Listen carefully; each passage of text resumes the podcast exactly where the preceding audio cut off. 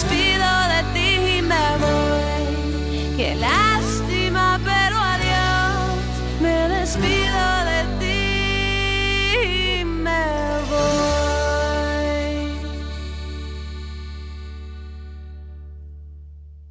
Me voy med Julieta Venegas. Eh, det är inte morgon med Ulf, det är morgon med Lars Heden. Idag hoppar in här tillfälligt efter allt jagande på mm, gatorna och eh, torgen. Eh, Klinika Dental Norvega sitter mitt emot mig och det är Katarina Widhansen. Som jag ska tala med lite grann. Per, per du sitter också här och eh, du är också välkommen. Även om du kanske inte kommer att säga så mycket för nu går vi in djupare när det gäller tandläkeriet. tack. Men vi ska ta, tala om andra saker sen också. Eh, välkomna ska ni vara bägge två. Tack så mycket. Eh, Katarina, tandläkare. Hur länge har, har eh, kliniken funnits här på kusten? Kliniken har funnits i 13 år Mm, i år och jag har jobbat där i 12 år Okej. och har ägt kliniken, vad blir det? I åtta år. Ja, det, det är du som sköter det administrativa förstår Här jag. sköter jag administrativa. Jag räknar på fingrarna. Ja, bra. Eh, du, hur ofta ska man gå till tandläkaren? Ja, det är ju lite grann beroende på. eh, Vi rekommenderar från sex månader till kanske ett, en gång om året. Och Mm. vissa som har väldigt bra tänder kanske räcker en, ett och ett halvt år emellan. Ja, för man säger ju ett, ett år ungefär. Ska man Mm. Ja, det är en bra hållhake. Ja, och även då om man inte då naturligtvis har ont någonstans så går man ju naturligtvis. Du, någonting som jag tänkt på. Eh, man har ju olika saliv Ja. i munnen. Och kan det påverka att man har bättre eller sämre tänder? Det kan det ju. Eh, Det är ju många faktorer som spelar roll men salivens sammansättning eh, Säg så här att saliven är mer eller mindre sköljande.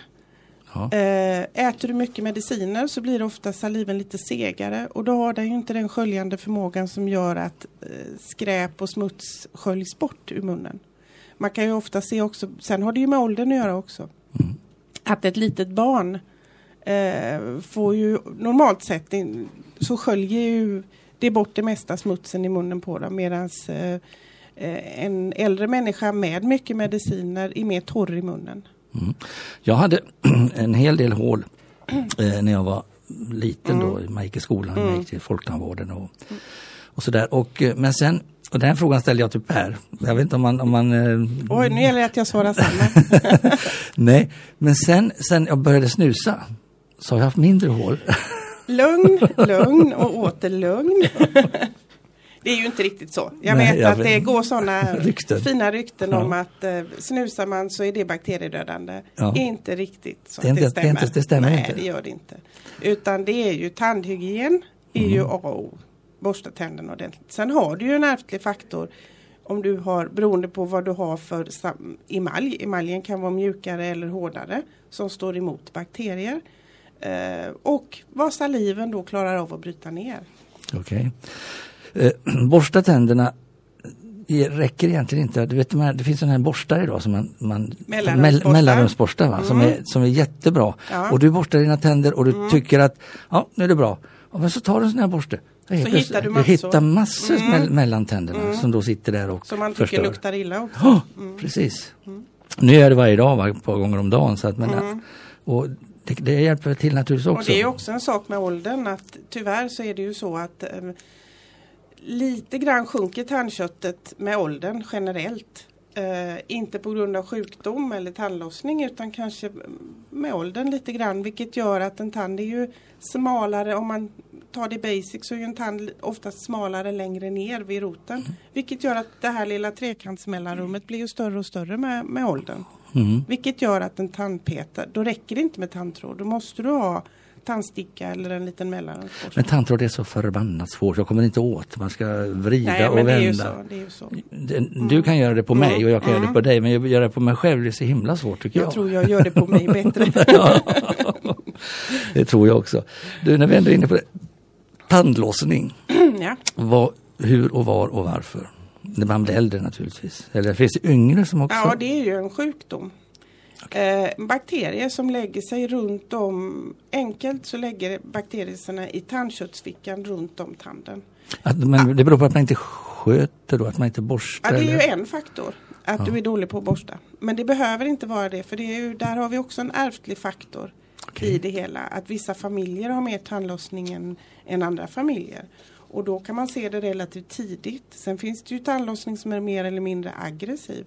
Eh, där det går fortare när man väl får det eller inte. För problemet med de här bakterierna är att de, de ehm, enkelt så får du en tandköttsinflammation först. Så att det blöder i tandköttet struntar du lite i det och sen så får du bakterier som går längre och längre ner i fickan.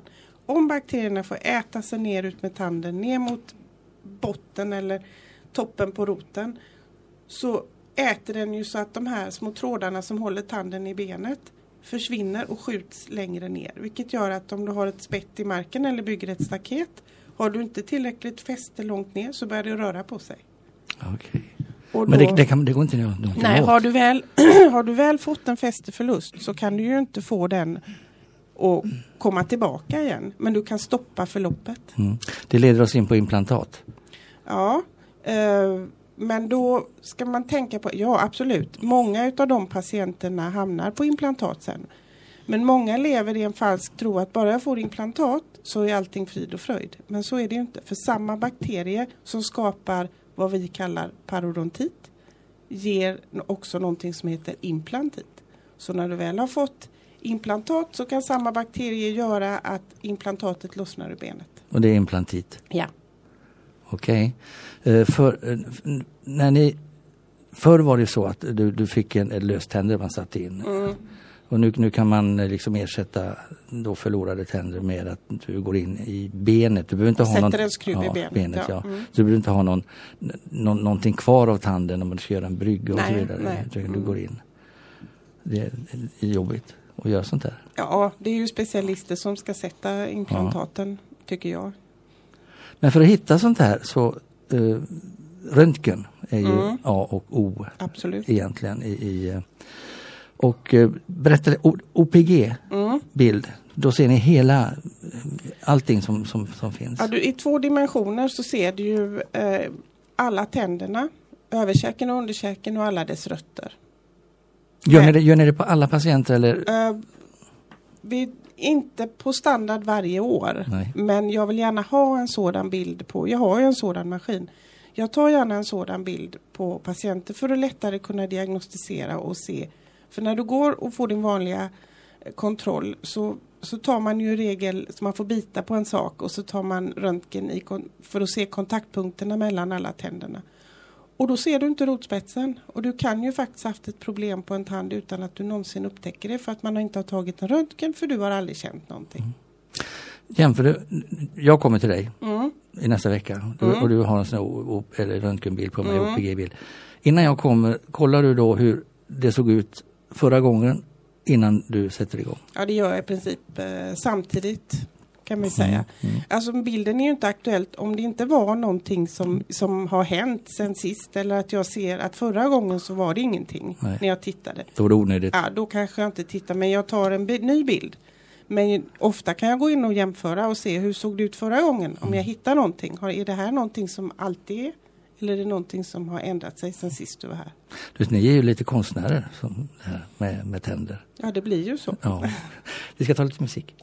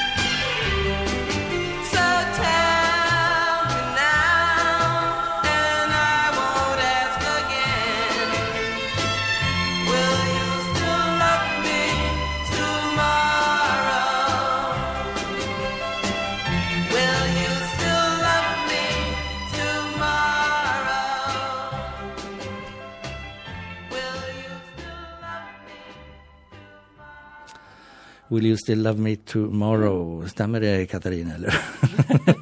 Är det en fråga till mig eller? Eh, med, eh, vad heter de? Eh, Ja det kommer, det kommer. The Sh- Shirelles. Eh, ni lyssnar på Kustradion 104,8 och Lars Hedin heter jag, Katarina Widhansen sitter mitt emot. Vi talar tandläkeri och eh, eh, or, ortodonti. Det- Ortodonti, Det är, tand, det är tandreglering. Mm. Är det, blir det mer och mer av detta? Ehm, ja, För på, min, för på ju. min Det tid, på min tid så fanns det nästan, ja, någon som hade sån här, det, fann, det fanns några men då tyckte man att det, att det var något konstigt. Va? Du, ju, du kan ju jämföra det, alltså det är olika, lite, det är klart vi går ju mer och mer mot det estetiskt perfekta. Alla vill ha Ja. det. Och då är det klart att då ökar ju ortodontin också. Eller tandregleringen. För det är många som har kommit upp i ganska bra Ja. ålder som går med, med Det har ju tandreglering. inte med åldern att göra. Nej, Men Nej för jag oftast förstår så, det. Oftast så är det ju så att vi vill gärna justera barnen på ett Mm. tidigt stadium och kanske, det är ju lite beroende på vad man har för, för fel på, på tandens ställning om man säger Så det. man ser ut som en snöstorm i munnen. Ja, det finns ju de.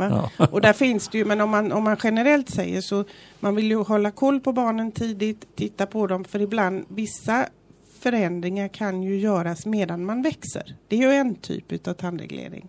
Där man utnyttjar tillväxten av käken, att man stimulerar den att växa. Om du har ett jättestort överbett till exempel så vill man stimulera underkäken att växa lite mer framåt så att du får ett mer korrekt bett. Okej. Så att felet kan ju ligga dels i tändernas ställning men också i käkarnas relation. Nu slår det mig, om man, som jag då till exempel, Mm. som har dragit ut några tänder och det ena och det andra. Mm. Och mitt bett då blir, blir kanske är, är inte riktigt Mm. egentligen va? Mm. Vad, vad, vad påverkar det någonting? Ja, du menar att, att bettet har förändrats Ja, efter det- att du har tagit bort en del tänder? jag, jag, ja precis. eh, Det sjunker ihop lite grann. Ser jag sån ut eller? Nej, jag visste inte jag skulle formulera det. Nej då. Men, men, nej, men det är klart att det påverkar hela helheten, Mm. eh, ditt välbefinnande. Om du har, om vi, nu säger vi inte du, men, jo men det men jag. Ta, ta mig, ta mig, ta mig. Ehm, det är ju så att kan du inte tugga maten ordentligt så får du ju problem med magen till slut. Ja, okej. Alltså det, det hänger ju ihop alltihopa och det är ju samma sak där att om du har löständer så kan du inte tugga maten på exakt samma sätt som du kan om du har tänderna i munnen. Nej, okej. Nej, jag har jag bet sönder en tand i, i eh, underkäken lite långt bort, näst längst bort nästan. Mm? Och eh, den var, det stack upp några st- strån eller lite grann av tanden. Och jag brydde mig inte om det här. Va? Jag var hos tandläkaren i, i Tyskland och eh, han frågade, ska vi, ska vi dra ut den? Nej, Mm. strunt i det, låt det vara, inga problem. Idag har tandköttet vuxit över. Ja, så kan det ju bli. Då har ju rötterna varit okej. Ja. Det är ju, jag brukar säga att det är klart man kan lämna en tand så. Enligt, enligt boken så skulle Men, man men, kanske jag, ta men, bort ja, den. men jag har svårare nu att tugga på den sidan för det saknas ju en tand. Ja, Så jag blir med att man tuggar på andra sidan. ja. Nej, men det är ju, en del störs oerhört mycket av att du förlorar en tand och vissa Mm. känner ingenting. Men det är klart att för att få en jämnhet i bettet så kanske man skulle gjort en bro eller någonting som, Mm. eller ett implantat. Mm. Eh, jag fick en information i en visdomstand för många, många, många år sedan. Som eh, ja, de drog ut. Och visdomständer dra ut, det, det kan vara ganska jobbigt. Det. Man Kanske- brukar säga att, Mm. att eh, det går ju skrönor om visdomständer. Alla får jätteont och jätteinflammerade. Men generellt sett så är det så ju inte så. Det är nej. väldigt liten procent där det blir problem. Det är samma som med snusen. Mm, nu är vi där igen. Nej, men vad jag gjorde då, då gick jag och drog ut de andra tre också. ja, kan men man göra. men det har ingen, spelar ingen roll. Nej, nej. Så att, eh, men det är ju så man, en del tycker, om det är väldigt trångt så är det ju svårt att hålla rent runt visdomständerna och då brukar jag säga att sitter de där de ska och de inte ger dig något problem så kan man ju prova att laga den en gång men jag skulle ju man rotfyller inte en visdomstand om den inte är väldigt viktig för dig och står precis där den så man kan använda den till någonting. Varför har man dem egentligen? Ja, vi har haft fler tänder. Ja. Om du går tillbaka i miljoner år tillbaka så hade vi nio tänder. Vi brukar ju räkna från mitten och bakåt. Då är visdomstanden en åtta, Jaha. nummer åtta. Och då hade vi en nionde tand också. Men på grund av att vi äter, eh, vi äter ju inte rå mat på samma sätt som man gjorde på stenåldern. Så då har det ju återbildat. Så idag så tror jag att det ligger på att vi har 25 procent av befolkningen får saknar visdomständer. Jaså? Mm, för de kommer inte ens. Oj. Så det har inget med Nej, visdom nej. att göra. Nej. Det kanske har visdom att dra ut dem.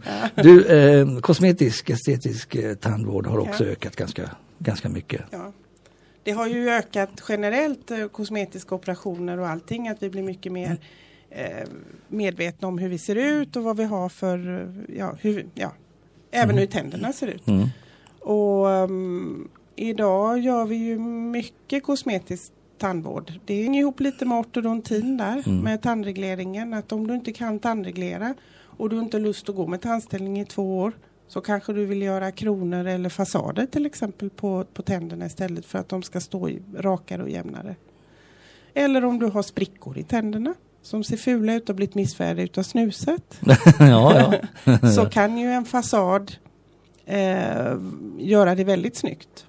Man, man täcker över det. Ja, man slipar av lite det yttre och kontaktpunkterna på tänderna bredvid och så, så gör man som en nagel utav porslin kan man säga som, man, som tandtekniken framställer och som vi då cementerar fast på. Och det, det, det håller Ja, ja, ja. hur länge som helst. Jag har själv eh, fasader och nu har jag haft dem i 20 år. Mm, jag vill inte fråga. Mm, men, men eh, så att det ska hålla. Det gör det? Mm. Ja. Som en krona. Är det dyrt? Ja, det kostar lika mycket som en krona. Jaha, För det är, det är lika stor kostnad att framställa det. okej. Du, när vi pratar priser, vi kan ta material. Mm. Eh, Jag skojade med Per senast, jag frågade i och med att ni ligger 20 till kanske 40 procent billigare här nere än vad man Mm. gör i Sverige. Mm. Så har ni, annat, har ni sämre material då? Nej, Nej. det har vi ju inte. Nej. Men, eh, men det är klart att kanske kostnadsläget generellt, det där, nu är jag ute och cyklar lite, men jag kan tänka mig att vi har inte riktigt de runt omkring kostnaderna som man kanske nej, har i nej, Sverige. Nej, Det är ju där vi kan spara, men vi kan ju inte spara på kvalitet. nej, nej det ger sig direkt. Eh, som sagt kostnaderna, är, det finns ju eh, resor, tandläkarresor hit ner. Mm. Där, där man åker och, och man förbereder sig och går till tandläkaren och man sparar in resan och kanske till och med hotellrummet och allting. Och så slipper man visa sig också. Nej men ibland, det, det, det är inte ovanligt att någon kommer och har funderat lite, jag vill ha fasader. Mm. Ehm, och så kommer man så bestämmer vi att eh, kom måndag till exempel och sen så kommer de tillbaka på fredag Mm. och så då kan de ligga på stranden och bli bruna och så är fasaderna klara till fredag och så sätter vi fast dem och sen åker de hem på söndag. Det är perfekt. Mm. Nu ska jag komma med en annan, annan eh, grej som du förmodligen kommer att säga nej till också. Mhm. Eh, mhm. Eh, rödvin, eh, när man har druckit rödvin så har jag eh, hört att man ska dricka agua con gas, alltså vatten, bubbelvatten efter Mm. för att för att eh, ja, me, Skölj. få, få, skölja bort det med då eventuella missfärgningar. Så, Ja, Stämmer det? direkt. Men det, vanligt vatten går också bra. Ja. Men visst, det är klart. eh, Det, är inte, det tror jag nog är bra. Det är bra. Ja. Så dricker ni rödvin, drick Ett eh, glas rödvin, ett glas vatten. Ja, för för ofta så får man ett glas vatten till rödvinet. Det kan, är det därför tror du? Nej, det tror Det är för att du ska kunna dricka mer rödvin. Okej. Eh, vilka språk talar ni? Alltså på, ja, Jag på eh, vi pratar svenska, Mm. vilket jag, och engelska och spanska. Mm. Och eh, ja, sen alla nordiska Norska, språk norska, förstår ja, vi ju. Ja, ja. Mm. Eh, sen är det väldigt viktigt att man talar med sin patient. Att Mm. kommunikationen mellan, mellan patient och tandläkare, det är, det är viktigt, eller hur? Absolut. Så att man, man får reda på. Men fråga, fråga patienterna mycket, ställer de mycket frågor? Ja, det gör de ju. Nej, jag inte har stoppat in. Nej, jag bara skojar.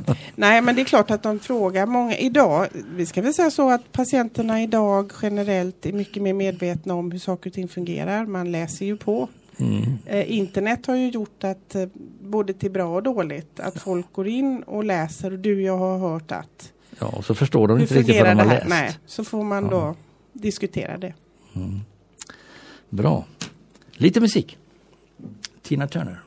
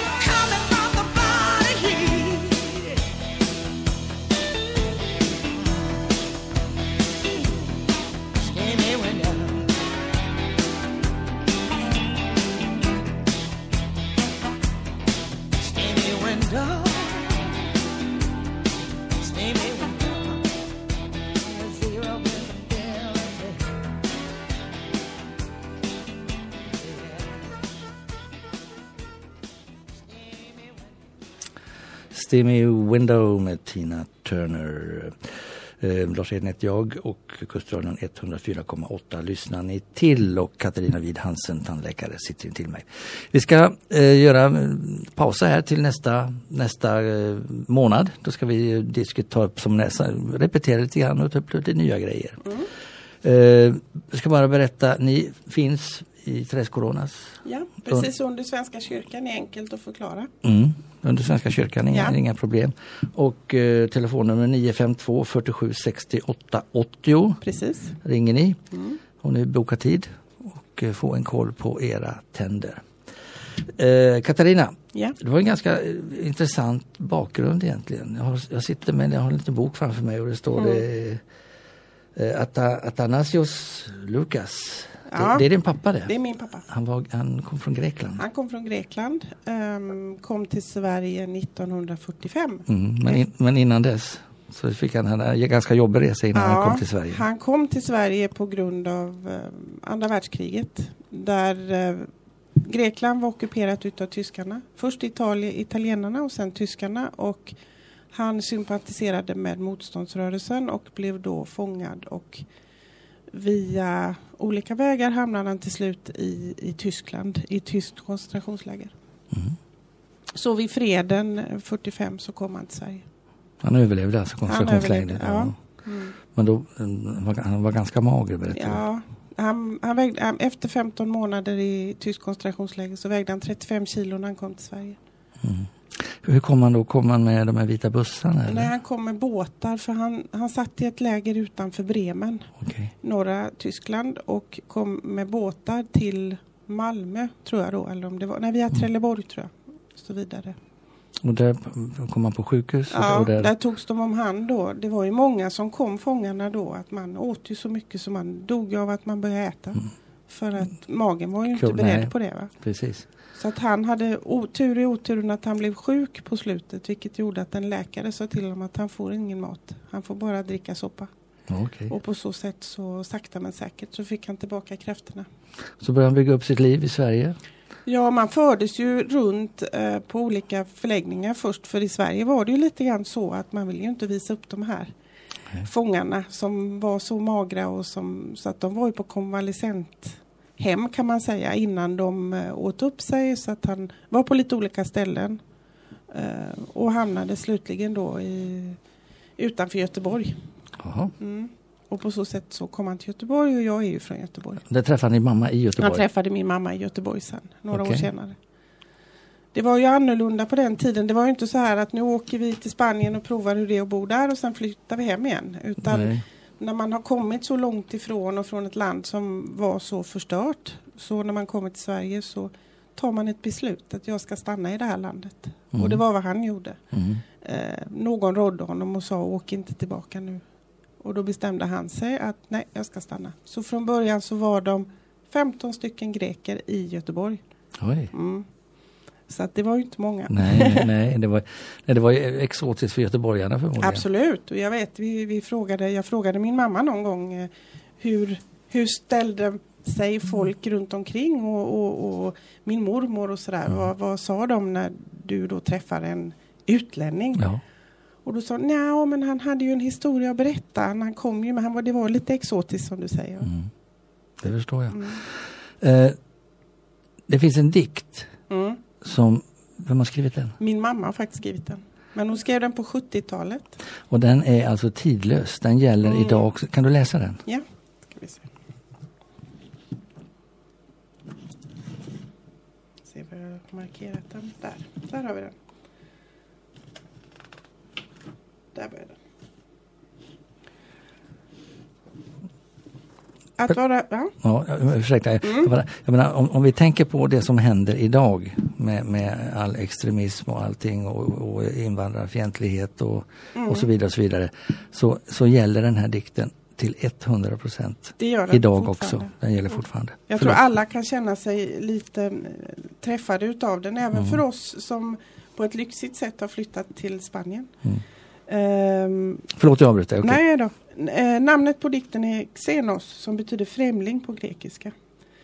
Att vara grek i Sverige eller vara svensk i Grekland är att ha lämnat en bit av fädernesjorden att stå på. Att lämnat ett språk att skämta på, ett godtagbart ord att trösta med och en pålitlig fras att lita till.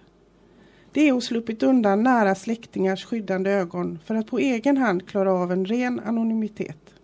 Det krävs att vara stark och tålmodig, misstänksam men ändå godtrogen, glad när det fordras glädje och sorgsen vid rätt tidpunkt. Det innebär att hålla sina egna värderingar hårt knutna intill sig och vara tolerant mot medmänniskornas.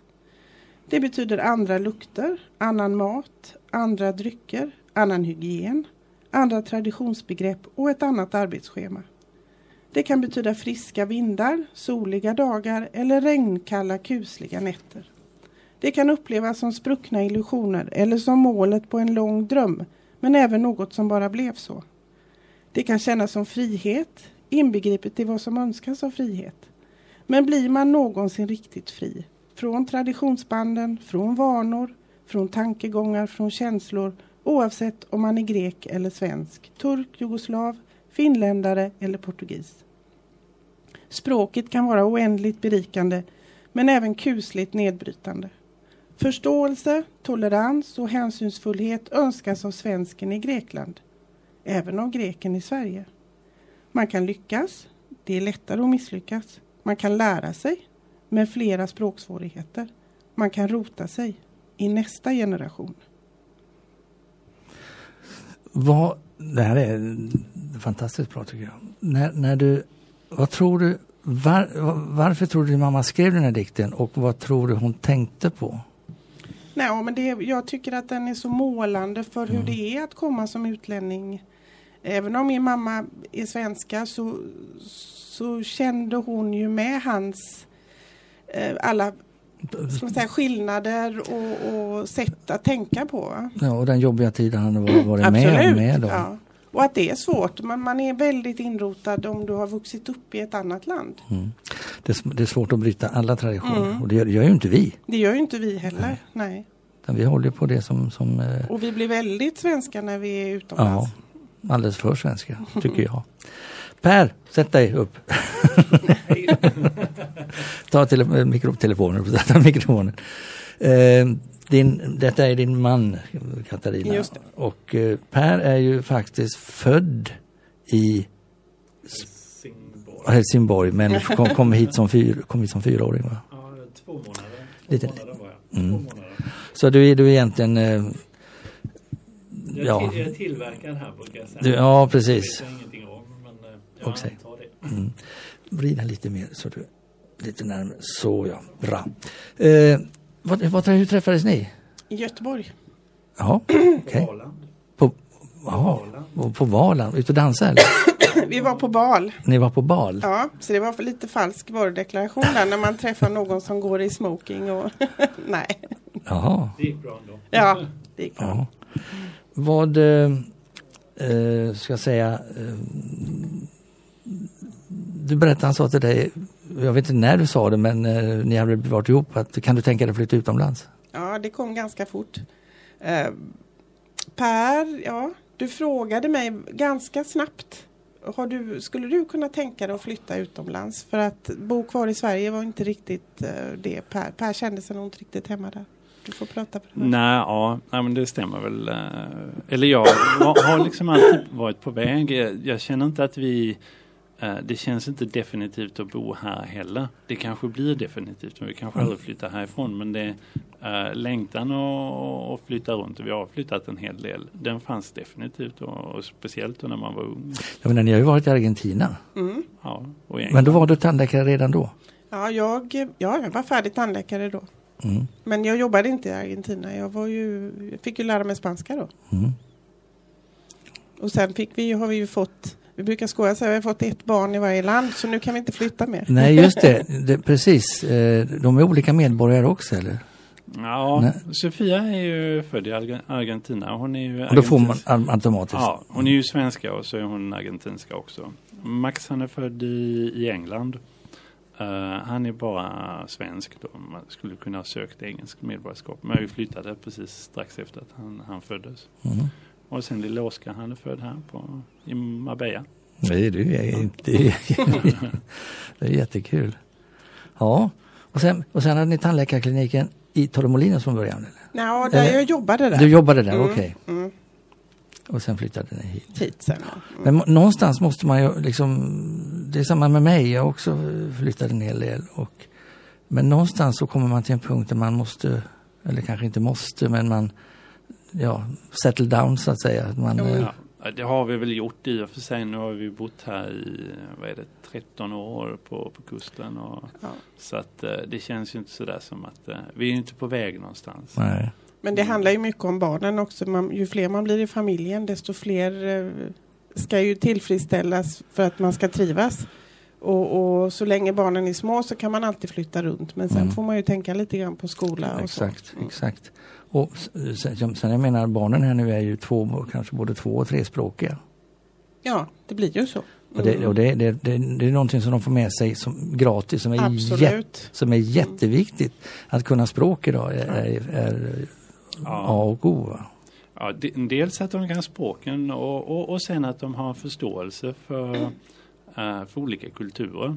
Sen kanske man inte, man blir kanske inte spanjor av att eh, bo i Spanien eh, Nej, som nej. svensk om man nu går i svensk skola. och Så. Men man får ju ändå en fördjupad förståelse för att samhället kan fungera på, på olika sätt. Mm. Mm. Och, och att det finns många, ofta finns det många bra sätt att lösa eh, samma typ av problem som finns över hela världen. Jo, precis. Nej, men vi är ju, vi, oavsett om vi bor i Spanien så är vi ju svenskar. Eller? Ja, Vi är ju det. men det är ju Med som alla vikten traditioner på gott och ont. ja, Ja. det I själen så är man ju det. Mm. Mm. Ja, eh, vi har ju förmånen att inte behöva välja bort någonting egentligen. Vi kan ju lägga till och det är väl ofta det man försöker. Man, man behåller det Mm. bra från Sverige och så försöker man lägga till det bra från Spanien. Mm. Eh, Men det är ju så andra nationaliteter gör också. De, de behåller vissa saker och sen Mm. så anpassar man sig efter det land där man, där man bor. just det. Då så, lite musik.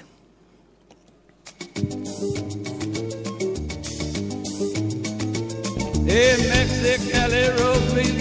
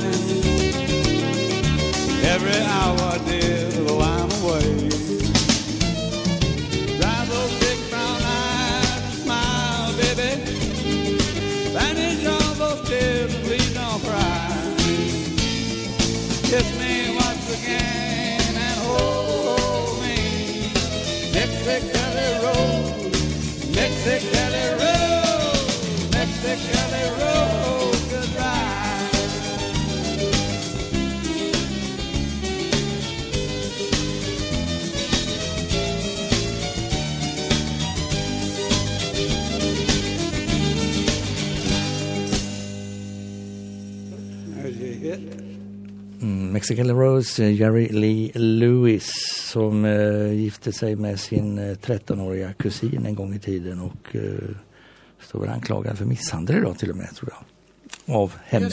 Mm. Så var det. Vi ska gå tillbaka till din pappa lite grann eh, Katarina tänkte jag. Mhm. När han kom till Sverige eh, vi satt och pratade lite om språk här i pausen och eh, tog det, vet du hur lång tid det tog för honom att lära sig svenska?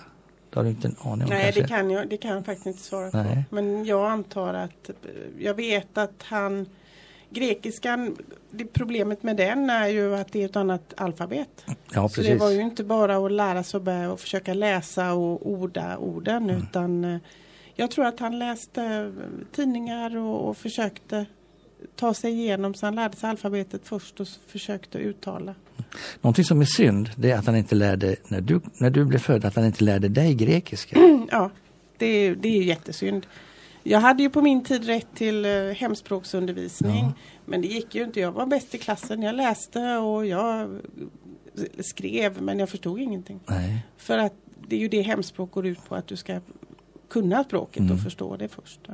Det är som, man- som, som eh, vi sa då i pausen att idag så vill man gärna lära sina barn så många språk som möjligt va? Ja. när man flyttar runt och de får lära sig, de har med det i sin ryggsäcken. Mm. Vilket, eh, den ryggsäcken är jäkligt bra att bära på. Absolut, jättebra. Och eh, det gjorde man kanske inte förr, eller vad säger du Per?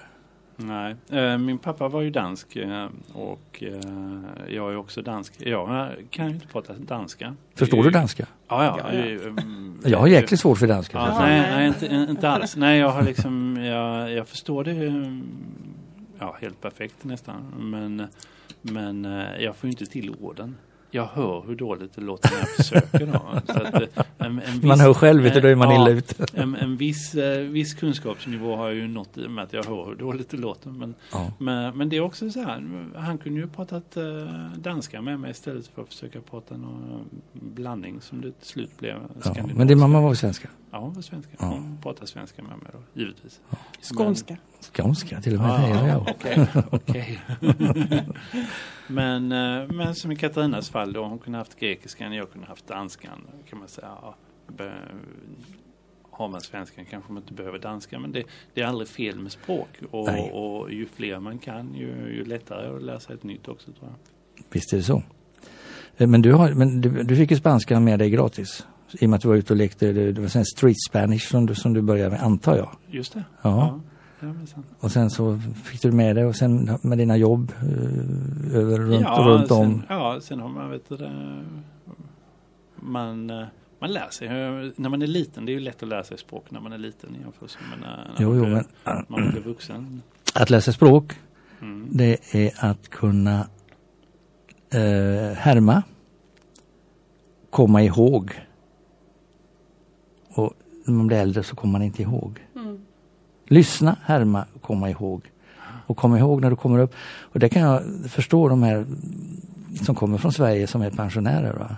Det är jättesvårt. Det, och jag, jag köper det, är jättesvårt för dem att lära sig Mm. spanska för att du har inte det här minnet kvar längre va? Som, som man hade tidigare. Och eh, tyvärr, så, så många går och de går på kurser och de försöker lära sig.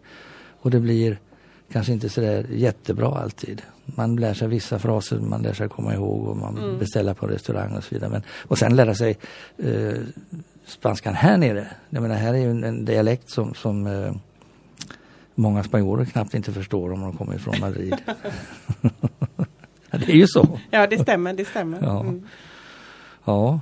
Så språk är viktigt att ha med sig. Då har era, era ungar en, en jättefördel Absolut. emot många andra. Våran äldsta går ju på spansk eh, skola nu efter gymnasiet. Så Ja. att, eh, och det går alldeles utmärkt. Mm. Det är det jag tänker på. Sätta barnen i, i, om man kommer från Sverige, ska man sätta dem i svenska skolan eller ska man sätta dem i spansk skola?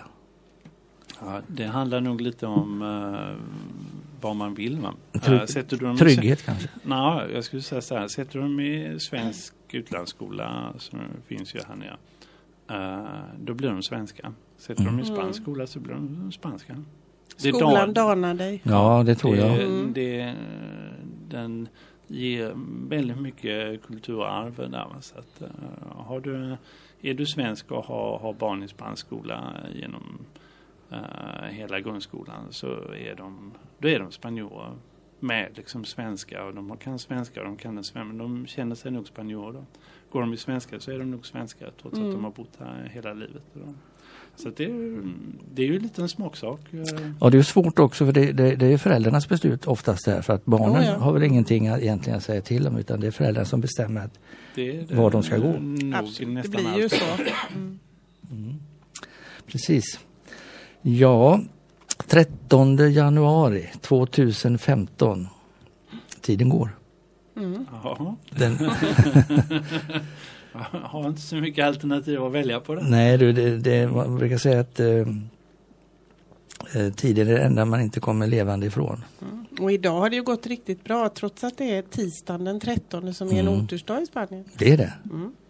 Inte tre, fredagen den 13 som det är i Sverige. Stämmer det? Det, Mm. det stämmer det. Så att, ja, otursdag. Så, då sitter ni här mitt framför mig. Men det, var, vet du det för fortsättningen av dagen. det, har, det, har väl, gått- det har väl gått ganska bra det här Ja. tycker jag. Ska vi ta en sista låt innan vi... Ja.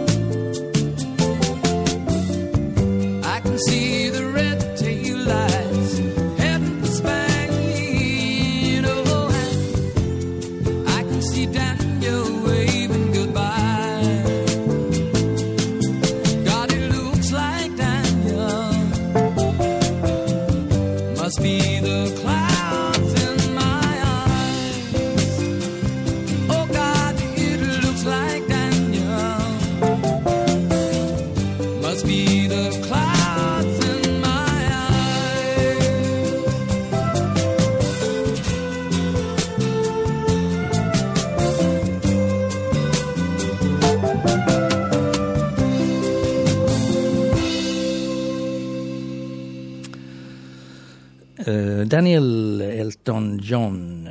Ja, Katarina Widhansen och Per Widhansen. Det är bara två och en halv minut kvar. Knappt på denna timma. Jag tackar er så mycket för att ni har kommit hit. Tack själv. Och eh, vi ska träffas igen i nästa månad och tala vidare om olika saker man kan hitta på hos en tandläkare eller vad du kan hitta på med dina patienter. Som sagt, eh, tack så mycket och ha det så jättebra så hörs vi om en månad igen. Det gör vi. Hej då. Hej. Då. Hej. Eh, Jag avslutar med en, en låt här och eh, så kommer Ulf att ta över klockan 11. Lars Edin heter jag. Hej då. sorry now? Sorry now?